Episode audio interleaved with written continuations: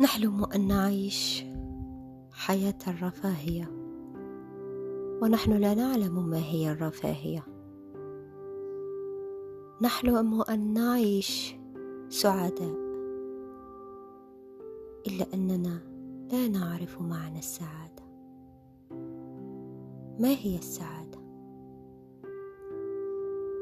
السعادة الحقيقية أننا عندما نستيقظ في الصباح ننظر حولنا فنجد من نحب معنا.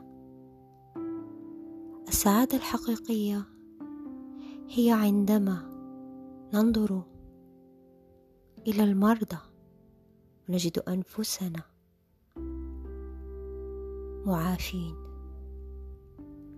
السعادة الحقيقية هي أننا نجد قوت يومنا وغيرنا محتاج.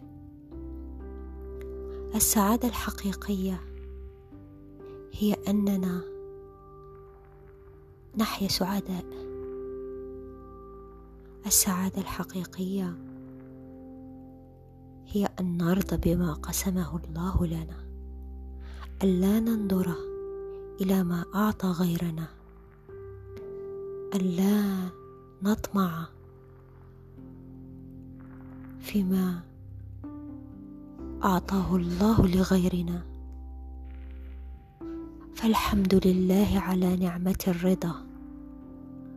اللهم لك الحمد حتى ترضى ولك الحمد إذا رضيت ولك الحمد بعد الرضا.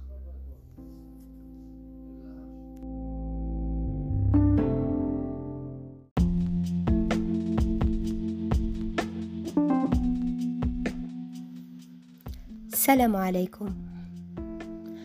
اليوم راح نقدم لكم حلول للشعر الزائد بالجسم والوجه.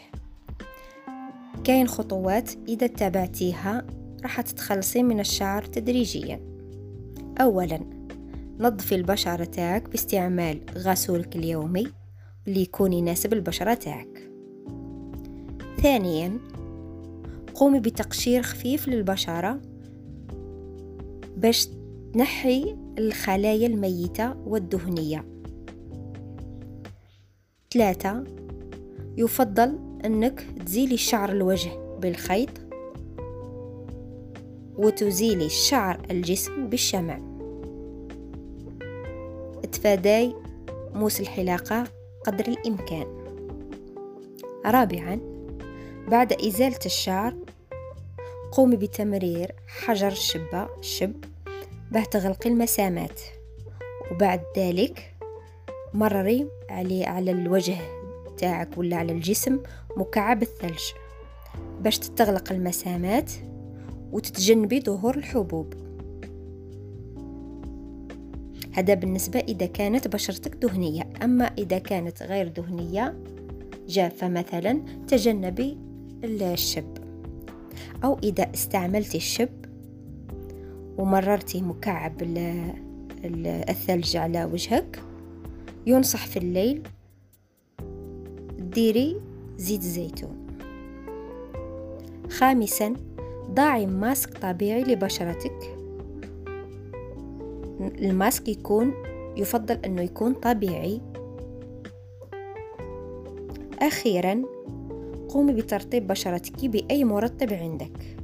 طبعا يكون مناسب للبشرة. مع السلامة.